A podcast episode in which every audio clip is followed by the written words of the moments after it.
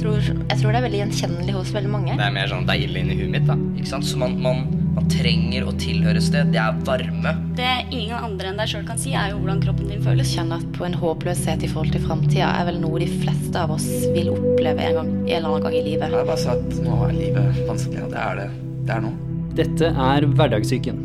Podkasten der Marius og jeg sammen med gjester fra hele landet tar for oss mental helse i hverdagen og de tabubelagte temaene der ute. Velkommen. Og velkommen tilbake til Hverdagssyken. Det er mandag, og da er det Hverdagssyken-tid. Og i dag har vi med oss sjølveste Alvine Borbo. Barbo Yes. fra Trøndelag igjen. Fra selveste Byåsen i Trøndelag. Rett fra Åsene og ned i Oslo. Oslo-gryta. Hvordan du fant veien hit? Jeg måtte komme meg bort fra lille byen, som nå har blitt litt større. Men det var veldig liten by når jeg, når jeg, når jeg ble Alle kjenner alle, Ja, det blir litt som sånn mamma igjen- pleier å si. Ja, det er litt sånn via via, så er det alltid noen som vet hvem du er. Og det ble litt for lite for meg. Og jeg skal ikke plage dere med å snakke trøndersk eh, gjennom hele episoden. Men du er så flink. Takk for det. Mamma og hele familien er jo fra Trondheim, og de er jo fra Byåsene. Ja. Så mamma kom til å bli ganske Men du må si Trondheim. Trondheim. Vi sier Trondheim. Eller gjør vi det? Jeg har jo helt glemt det. Herregud, hvor mora di kommer til å grille ræva av meg. Jeg tror det. Jesus. Og i dag skal vi snakke om stigma, rett og slett, og mental helse. Så jeg skal dra opp eh, litt statistikk, og så skal jeg snakke litt om hvorfor vi har snakket masse om dette når jeg nå har reist mye rundt og snakket om psykisk helse på jobben, men også psykisk helse på skolen og psykisk helse generelt. Og så skal du og jeg da drodle litt rundt stigma og hvorfor det er så fryktelig vanskelig å snakke om forskjellige ting innenfor mental helse. Men før det skal du få lov å svare på hva er det som engasjerer deg mest av alt på denne jord? Som ikke nødvendigvis trenger å ha noe som helst med temaet på podkasten å gjøre. Eh, jeg er eh, veldig eh, engasjert i sionisme og proisraelsk organisasjonsarbeid. Så det er noe som ligger eh, nært hjertet mitt, i og med at jeg driver og konverterer til jødedommen. Så det er liksom jobber jeg mye med, da. Snakker om stigma. Å konvertere til noe som helst, for den saks skyld fra noe annet, er jo stigmabasert i seg selv. Ja, veldig. Så det har du jo tatt fagbrev i Altså, jeg tok jo Altså, ja. Mm. Mm. Jeg vet, så må jeg ha master i et eller annet snart. Master i stigma. I å være mentalt utslitt, i hvert fall. Så um, kan ikke du gi en bitte liten update på hvem du er, og hvorfor du er her? Fordi du er jo her først og fremst fordi du har delt historien din i The Human Aspect, og du reacha out til oss, og nå bidrar du også som en del av teamet, hvor du skal jobbe med å uh, hjelpe til i Relations-teamet og skape nye relasjoner med flotte organisasjoner der ute, og også hjelpe til selvfølgelig å få mer støtte til The Human Aspect, så vi kan vokse og gro og lage mer hverdagssyken f.eks. på podkasten. Absolutt. Men hvem er nå du, da? Jeg er Alvine Barbo. Jeg er 33 år blitt, eh, og har eh, drevet med standup tidligere. Jobba en del med organisasjonsarbeid før, eh, relatert til skjønnsbekreftende behandling for mennesker. Knytta opp mot regjering og sykehus og alt mulig sånn. Så mm, det har jeg gjort. Det har på en måte vært litt, mitt litt sånn lodd i livet, føler jeg. Det er det, for så vidt. Og hva var det du delte i intervjuet ditt med The Human Aspect? Fordi det har jo ikke kommet ut ennå. Så for de som ikke har enten ikke har sett det, men ikke kjenner deg, hva er det du har hatt som de tøffeste utfordringene i livet som du har overkommet? Det var jo for så vidt to forskjellige aspekter, da, Ja. men hva var de to? Uh, først og fremst så var det jo det med at jeg gjennomgått kjønnsbekreftende behandling. At jeg har vært født i feil kropp. Um, og, og den greia der med å gå eh, gjennom eh, behandling med psykolog og medikamenter og operasjon og sånn. Og så kom vi, når jeg var ferdig, så hadde jeg da underveis utvikla en personlighetsforstyrrelse som da er borderline personlighetsforstyrrelse. Um, så, så det er på en måte vi snakka om begge deler. Og hva er borderlines personlighetsforstyrrelse, for de som ikke vet det? Det kalles nå da på norsk da, emosjonelt ustabil personlighetsforstyrrelse, som er da eh, en Det er jo på en måte forstyrrelser i emosjonene. da, Hvordan du regulerer følelsene dine. Fra f.eks. jeg går fra 0 til 100 i, når det gjelder alt av reaksjoner. Det, er liksom, det, det spiller ikke noen rolle hva det er, det er veldig sterkt. Det er intenst. Det kan være veldig vanskelig medmenneskelige relasjoner. da. Og Men det er ikke kjedelig å være deg. det er absolutt ikke noe kjedelig. Det er action all the time. Men hva kan være den største utfordringen med borderline, sånn som du har opplevd det da, fra ditt perspektiv? Det er å på en måte bli sett og forstått eh, at man har på en måte ikke fungerer sånn som alle andre. Man, man, at noen liksom prøver virkelig å legge litt til rette for deg, og, og, og liksom forstår at ok, hun, hun tenker kanskje ikke sånn som meg, og, eh, for folk gjør ikke det. Folk bryr seg egentlig mest om seg sjøl. Og det, sånn er vi jo alle. Vi er jo alle bygd opp sånn. Men, men, eh, så det å på en måte prøve å skape forståelse for meg sjøl, da, og liksom ja, min situasjon, og at jeg trenger enkelte ting, og tilrettelegging og alt mulig sånn rundt det å være syk, da. Og hva har vært den største utfordringen sånn med å, å altså gå gjennom da å være født i feil kropp, og nå da være i riktig kropp, holdt jeg på å si, sånn eh, fra alt eh, perspektiv nå. Men hvordan har hele den prosessen, hva var det verste med det? Altså det at man på en måte Jeg har jo stått alene oppi det. Jeg har jo ikke hatt noen familie. Eh, sånn, jeg hadde kontakt med ei kusine her og der, og det er liksom Men jeg har stått stort sett alene, da. Så på en måte det å lære seg ting, eh, det å på en måte Jeg har gått gjennom to puberteter. Det er ganske he- eh, heftig. Så det er liksom Det å gå fra gutt til å bli mann, noe som jeg syns var helt horrendous. Det var jo så jævlig at jeg visste ikke hva jeg skulle gjøre med. Mens når du er voksen da, og er ferdig, så går du, skal du liksom gå gjennom en ny pubertet, som er da å bli dam, voksen dame, da, ikke sant? Og bli den du er. ikke sant? Og, og det var jo liksom nesten like jævlig. Uh, men eh, også etterpå, da, så er det her som Jeg trodde kanskje å, ja, men kanskje operasjon og sånn hjelper, og at jeg var ferdig og sånn. Men så var det de borderline-greiene som ligger sånn i bakgrunnen, og som hele tida har vært der. Og gjort at liksom hele prosessen har vært veldig vanskelig.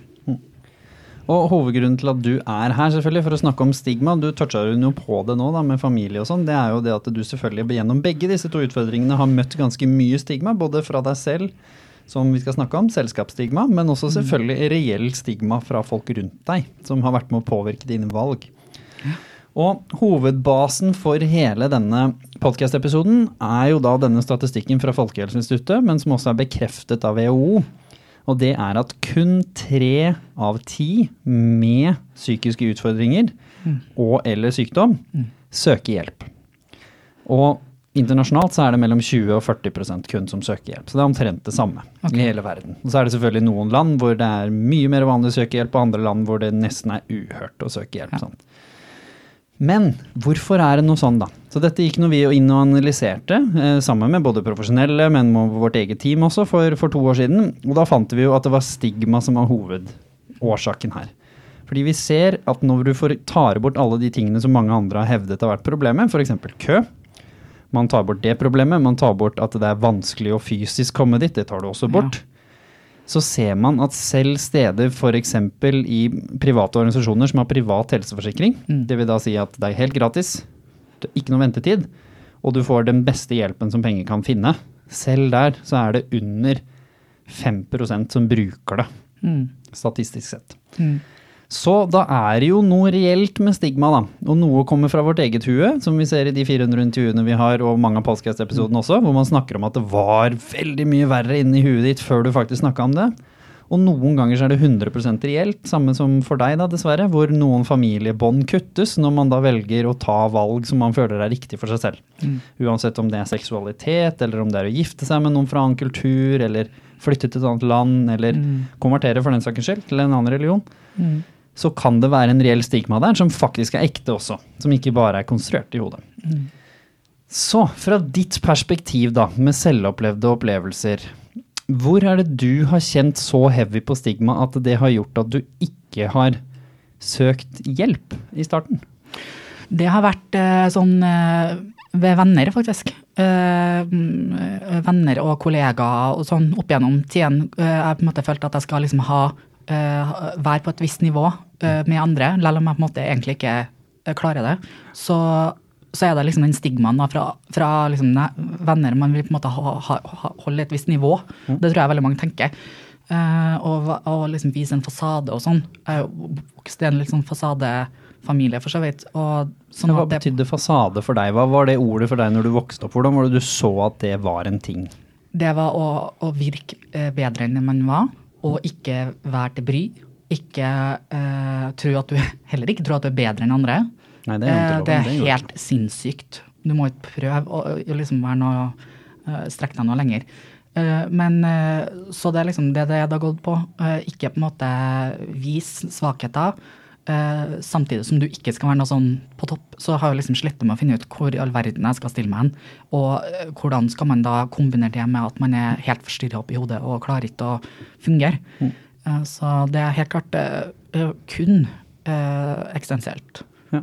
Så hvordan eh, opplevde du det her? Husker du en situasjon fra du var ung f.eks., hvor dette var så heavy for deg å bære at du faktisk satt med deg aleine, istedenfor at du faktisk kunne ha reached out da, til å søke hjelp, f.eks. profesjonelt? Det er mange ganger, men eh, altså Hvor kan jeg plukke fra det epletreet? Um, jeg tenker, altså 20-årene var jo et sånn breaking point for meg. Eh, da var det sånn, da prøvde jeg å finne ut litt om da var akkurat ferdig operert. Jeg prøvde å finne ut litt hvem jeg var, og hvordan jeg skulle jobbe og ta skole og sånn. Og, så, og da var det helt umulig. Det var helt utenkelig å, å begynne å skal liksom søke psykolog. Og, for nå var jo jeg ferdig. Ja, så nå tenkte jo folk ok, ja, men da er du Nå er har du jente, nå Nå, er er du jente, nå, nå er du ferdig. Nå er, noe, så nå er liksom styret over. Sant? Så, så nå er det rolig. Nå må det være sånn som alle andre og fungere. ikke sant? Og så klarte ikke jeg det. Og det var sånn 25, kanskje, hvor jeg bare kjente at det, jeg klarer ikke å klarer ikke å ha, få et fotfeste noen plass. Og forstår ikke og klarer ikke å gjøre sånn som alle andre. Det er bare helt umulig. Og hva tenker du sånn generelt da? Hvorfor eh, i land som Norge, nå har du bodd litt rundt også, eh, vært litt både i Bergen og i Trondheim og i Oslo og sikkert andre steder òg. Sånn, Sarpsborg. Hvorfor uh, tror du at det er såpass heavy med stigma akkurat i Norge? Fordi i utgangspunktet så er jo vi et av verdens mest utvikla land, og vi burde jo i teorien ha ligget ganske langt foran. Ikke sant? Sånn, vi er jo et veldig utviklet land sånn i forhold til medisin og, Ja, ja. og det meste. Så hvorfor har vi ikke kommet lenger når det kommer til stigma? Det, jeg tror det har noe vet du hva, det, Jeg tror det er så enkelt som denne janteloven. Jeg føler litt sånn, den kommer tilbake hele tida. Vi er et litt sånn skakkskjørt folkeslag, hvor altså sånn skandinavere generelt, selv om vi er veldig bra, eh, så er det litt sånn herre Det er som jeg sier, fasade. Litt sånn dere skal være så myk og snill og inkluderende og sånn, og så holder vi oss for oss sjøl og er iskalde mot hverandre og snakker ikke med fremmede og liksom er litt sånn. Så det blir jo på en måte et mm, kjempe sånn kaldt samfunn, egentlig.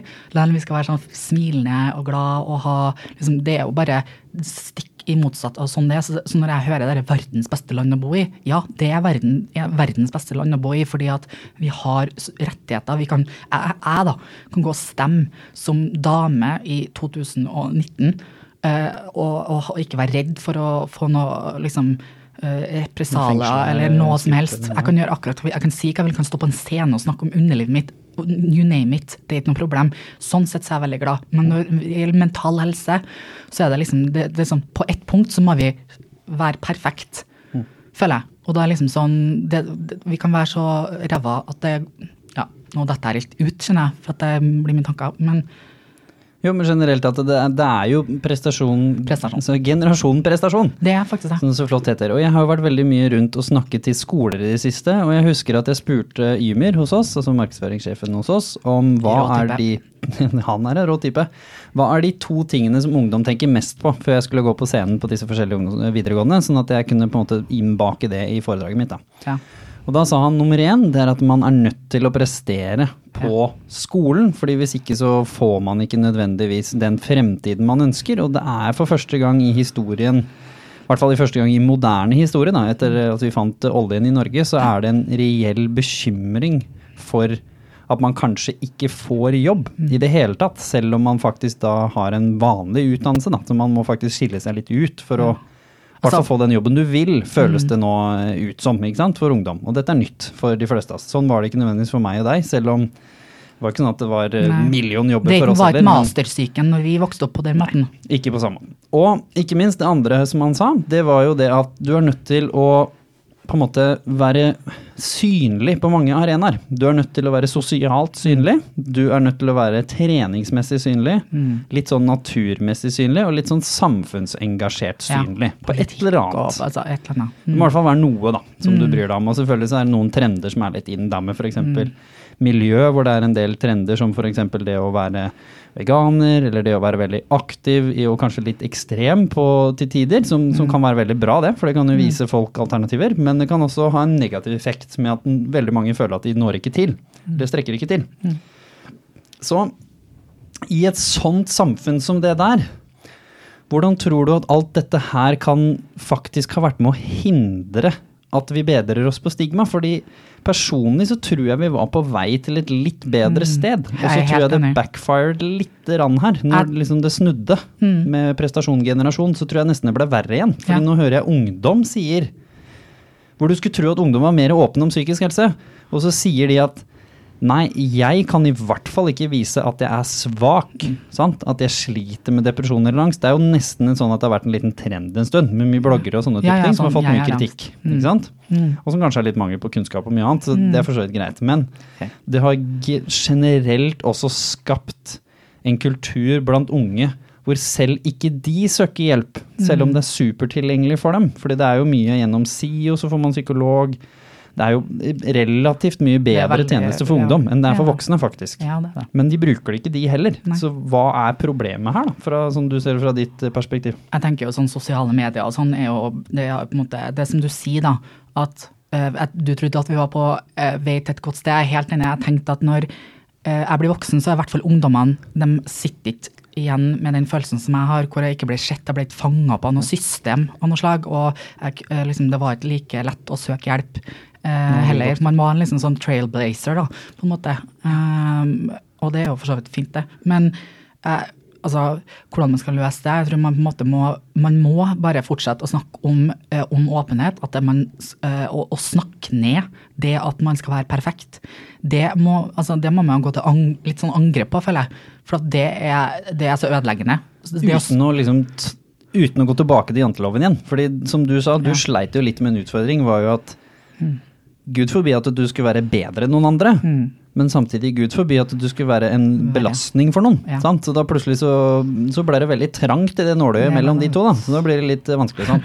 Så vi må jo ikke hogge ned folk som faktisk Nei. er flinke, men vi må samtidig også vise at vi setter pris på Mhm. unikhet, tenker jeg. ja. Det er like viktig med sykepleieren som bussjåføren, Absolutt. som advokaten, som kirurgen. Jeg er helt enig. For vi trenger alle sammen i samfunnet, og alle sammen har unike, fantastiske ferdigheter som passer inn der hvor de er. Helt enig.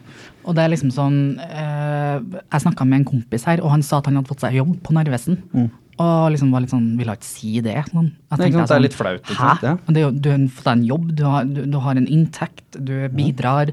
Du, du Jeg trenger. Narvesen fra tid til annen. Ja, det. Liksom, altså, jeg bare tenker sånn, hvor kommer det fra, dette presset om å liksom at, hva er det som egentlig er bra, og hva er det som er perfekt? Hvor er det vi skal være hen? Jeg, jeg forstår ikke det. Jeg er 33 år og har ennå ikke eh, klarer ikke å forstå det, og sliter veldig med det. Men jeg tenker at vi må på en måte være eh, flinkere til å, å snakke med ungdom.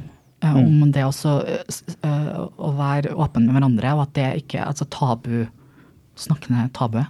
Og det er jo hovedgrunnen til at vi startet Hverdagssyken. Det var jo at Marius Løken virkelig følte på, når han reiser rundt og snakker med videregående og ungdomsskoler rundt omkring i hele Norge, at han følte at det var altfor mye tabu der ute. Og det var en del sånne myter som ikke var sanne, som vi trengte å ta litt eh, tak i og filleriste litt. Og både få med gjester og profesjonelle, sånn at vi virkelig kunne rive ned noen av de her, i håp om å kunne spre litt kunnskap. På selvfølgelig en lett og, og fin måte, og samtidig også kanskje kunne inspirere folk til å tørre å være litt mer seg selv, da, som er jo den store floskeren til både Marius og meg. Og så ble jo vi med. Og de fleste gjestene våre er jo klink enige, sant. Ikke sant? Men så har det jo vært sånn også, det er jo det jeg snakker om når jeg er ute og holder foredrag om dette her, på både skoler, da, som jeg har sagt, men også på jobber. Jeg har jo snakket om psykisk helse på arbeidsplassen. Det som fascinerer meg litt, er at nå har jeg holdt typ sånn over 20 foredrag bare siste måneden.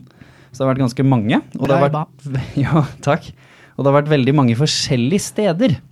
Men det som er litt fascinerende, er hva som går igjen Hva er det, da? er at når jeg er ferdig med et foredrag, så kommer det folk bort til meg og skryter av at jeg er åpen. Det er jo noe av det som faller meg mest naturlig. Det er det som koster meg minst eh, som person. Er å stå og fortelle min egen historie på scenen. Fordi den kan jeg såpass godt. Den, den elsker jeg å liksom jobbe med historiefortelling. Det er dette jeg føler at jeg er god på.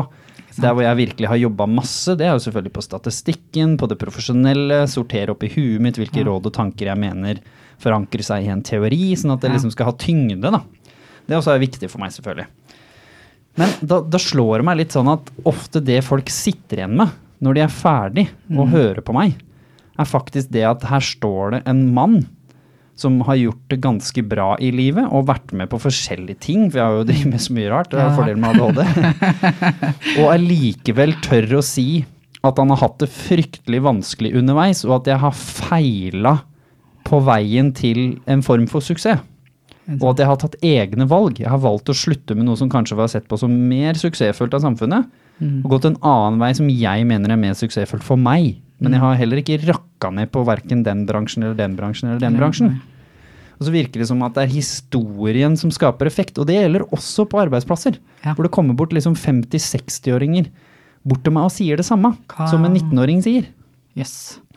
Da ble jeg liksom også litt sånn skremt Da og litt sånn satt litt satt ut, For. For da skjønner du hvor sterkt stigmaen sitter i. Du Ja. ser liksom folk bare Og hvor lenge folk har gått med den følelsen. Mm. Eh, Jeg tenker, altså, Fra jeg jobba sjøl, så vet jeg jo det er kollegaer med helseforsikring, folk har ikke benytta seg av det, og folk går rundt og bare sliter. Fordi Og det er veldig viktig nå at alle som hører på nå, som kjenner seg igjen i det her, Mm. det er ikke fordi vi som ikke snakker om det eller ikke tør å, dele det, er dårlige mennesker. Mm. Absolutt, det er ofte fordi vi ikke ønsker å være en byrde, som du nevnte i stad. Mm. Vi ønsker ikke å være en belastning for de rundt oss, men det er virkelig vridd på huet. fordi hvis jeg spør deg som hører nå, Mm. eller deg Alvine, Ja. hvis du visste Mm. at en venn av deg sleit, ville du sett på det som en belastning og fått lov å være en god venn til de da? Nei. Ære. Rett og slett. Altså, det mener jeg. Sånn, det, Det gjelder jo oss alle. Ja. Selvfølgelig ville vi hjulpet vår beste venn eller broren vår eller Mm. kusina vår eller fetteren vår eller kjæresten vår Mm. hvis vi kunne. Mm. Og det verste som skjer Vi har jo hatt folk på episoden her som har snakket om selvmord, og miste Mm. noen til selvmord.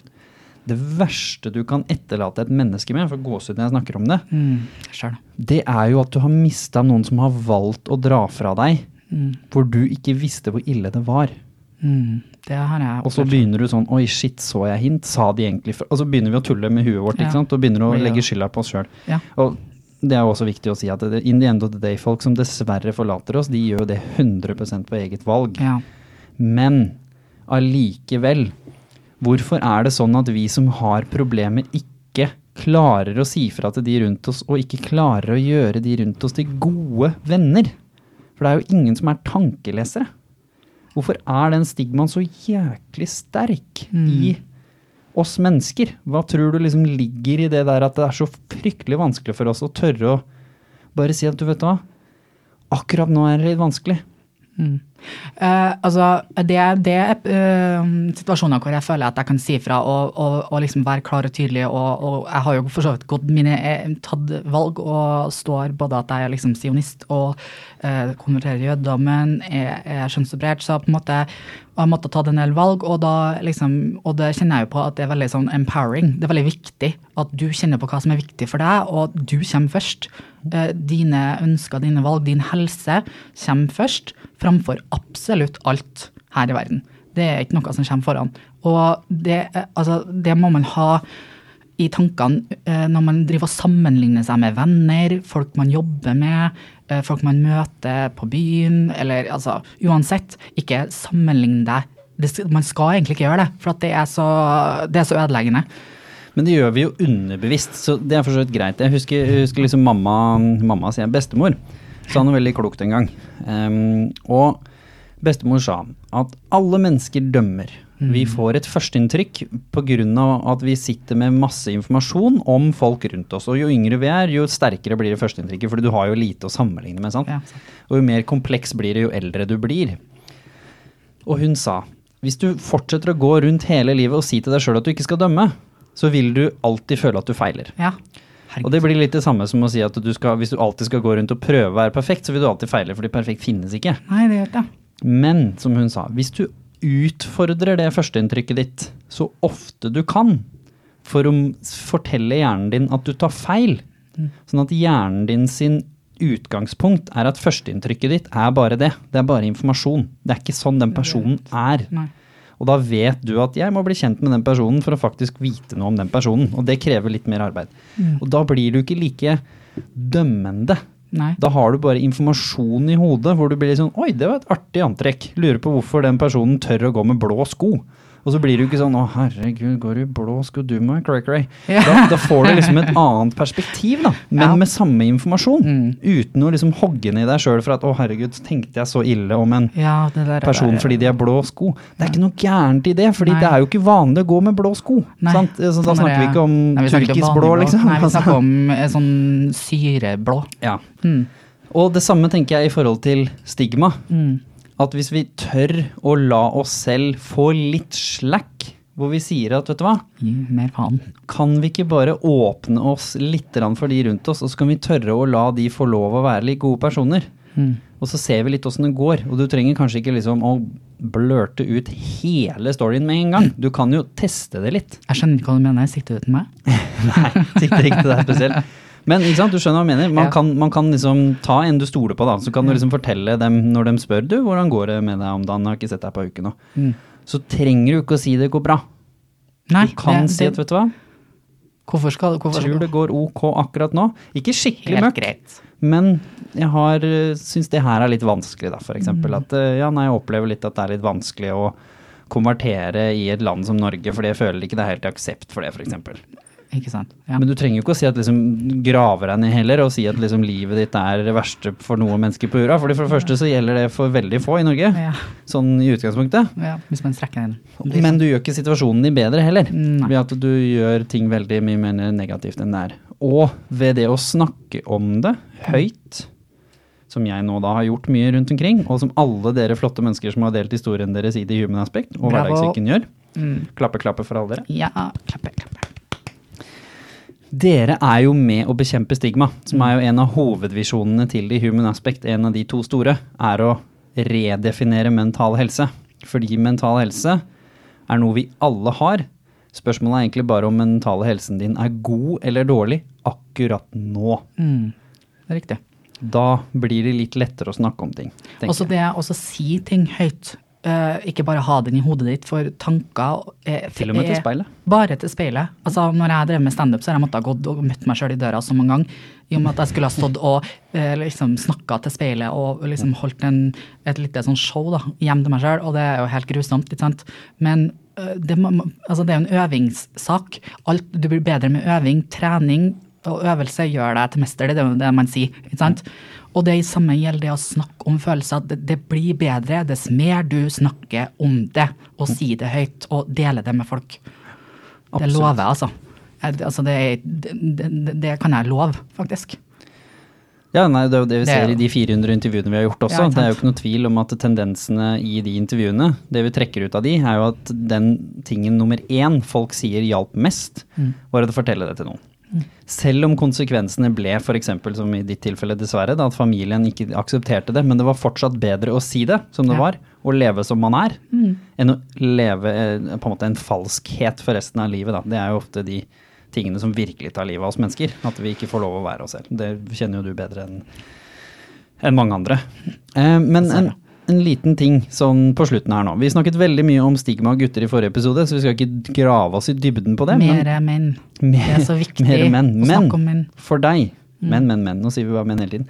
Men for deg som på en måte da både har opplevd litt det å være i mannsverden, selv om du følte at du var ikke i riktig kropp, nei. og nå da har vært i en kvinnes verden, Mm. hvorfor tror du det er så fryktelig ekstra vanskelig for menn i menns verden å snakke om følelser? Fordi man blir fra eh, barnsbein av sagt at man skal ikke gråte, man er stor gutt. Det er bare små ord som er så eh, ødeleggende. eh, Som man sier sånn, du er en stor gutt, skal ikke gråte, eh, og gutta skal være beskyttende, man skal være sterk og, og, og flink og, og, passe på og, sånn. Altså det, det, det er der det ligger. Rett og slett hvordan man på en måte snakker til barn, tror jeg. Eh, og, og gjør forskjell på menn, gutter og jenter. da. Mm. Nå er det jo forskjell på gutter og jenter, men jo, jo, men i denne ikke, situasjonen. ikke den situasjonen, så Mm. er det for så vidt Altså, det skal være lik, likt for alle. Mm. Og gutter skal få gråte, og det er liksom ikke noe svak, svakhet ved det. Det er veldig fint å se folk vise følelser. Og ikke bare at det er fint, Nei. men det er jo mye Sunt. vanskeligere og tøffere å være sårbar enn å bare late som ingenting. Det er jo ingenting som er lettere enn å bare late som ingenting. Mm, Det verste er jo å velge på en måte, lell om det er godt, så er jo liksom det, det er jo vondt å snakke om ting, ikke sant, som du sier. Og det er liksom Det er jo eh, tøft. Men, men, det, men, men eh, det jeg tenker bare at Altså, det er det som er det beste, men ja. Det er jo det tøffe, og, mm. derfor så er det også kanskje litt viktig, og det så jeg jo på guttekonferansen når jeg snakket der. Så var det veldig mange menn som kom bort til meg etterpå og takket meg for at jeg som mann turte å vise dette, men også på en måte hvor jeg snakker om det som noe som har gjort meg sterkere. ja. Men det vises jo også fra scenen. Det er klart Hvis jeg hadde stått og snakket om det og kanskje slitt mye med meg selv enda, da. Mm. Ikke for det, det går fryktelig opp og ned hos meg òg. Skal, ikke- skal ikke si at jeg nødvendigvis bare har det bra heller. Men jeg står jo trygt på scenen, som er jo en tøff ting å gjøre i seg selv. Ja, å stå på scenen foran 400 stykker og snakke Det om seg sjøl. Det er ikke lett. Det vet du som Ja. standup-komiker. Det er ikke bare å utlevere seg sjøl. Det er ganske heavy. Så det med å være en positiv eh, mannlig rollemodell, som f.eks. Adam også, som kommer, eh, Mm. som vi skal intervjue til uh, uka, og som skal på det eventet senere i kveld, som vi gjør sammen med Dixie-senteret. Så hvis du Ja. hører dette på morgenen, løp inn på The Human Aspect Facebook-siden og meld deg på hvis du har lyst til å være med på et event som handler om dessverre så tøft tema som eh, voldtekt og mishandling. Mm. Men det blir også forhåpentligvis et veldig flott event som skal vise hvordan man kan håndtere sånne tøffe traumer. Så Mm. kom til Litteraturhuset i kveld, hvis du kan. Mandag, altså. Så det kan jo hende du hører på podkasten på tirsdag også. Da er det for sent. Men det kommer flere events. Vi skal ha en i måneden fremover som heter Reflection Nights. Ja da. Men sånne flotte rollemodeller som Adam, eh, og for så vidt så mange andre nå også, menn som tør å gå ut Mm. og vise sårbarhet, helt avgjørende for meg. Ja. Og for meg og sånn generelt for eh, alle, tenker jeg. Eh, fordi at det skal liksom ha vært et så stort skille mellom menn og damer, gutter og jenter. Altså, Følelsesmessig. følelsesmessig. At man på en måte viser at altså, man tar plassen sin. Man har lov til å, uansett hvem man er, være seg sjøl, vise følelser, eh, ta sine egne valg. Uh, gjør, konverter, uh, skift kjønn, vær homofil, bifil. Uansett hva det er for noe. Tør å være deg sjøl. Tør være deg sjøl og, og ta plassen din. Det, det, Fordi det er plass til alle Det i samfunnet. Det Det er, er ikke sånn at hvis du tar plassen din, så tar hun fra noen andre, Nei. som janteloven kanskje uttrykker, da. det er derfor jeg sier ta plassen din, for det er din plass. Og ikke noen andre sin. Helt enig. Tusen hjertelig takk for at du kom, Alvine, for å snakke litt om Tusen stigma. takk For at jeg fikk komme. Bare hyggelig. Og tusen hjertelig takk til Livslyst og Motivasjonssenteret som låner dette flotte podcaststudioet til oss. Og som alltid, husk å sende oss både forslag til tema og forslag til gjester som dere ønsker vi skal ta opp her i Hverdagssyken, fordi det er deres podkast. Vi gjør jo Mm. Ja. ikke dette for oss sjæl. Nei. Kunne vi snakka sammen over en kopp te ute i sofaen Herregud. Men eh, altså, gå inn, send inn hva dere ønsker å høre om, om dere ønsker å ha foredrag på skolene deres, ta kontakt med The Human Aspect og Hverdagssyken, så, så er vi i gang med å fortsette det bra arbeidet som eh, The Human Aspect har Fordi gjort og gjør. stigma blir ikke tatt livet av bare pga. oss som organisasjon. Da trenger vi alle dere der ute Riktig. til å hjelpe til. Tusen hjertelig, vi setter pris på dere, og ha en smashing dag videre. Og ikke minst, selvfølgelig, følg oss på Instagram og Facebook, både Hverdagssyken og The Human Aspect. Og ikke minst, sjekk ut Alvine sine også, så finner Ja. du antagelig litt humor, kan jeg garantere. Ja. Og ikke være perfekt. Ikke vær perfekt, det tror jeg ingen av oss får til allikevel. det løpet er kjørt. Det løpet er kjørt. Tusen hjertelig. ok, takk.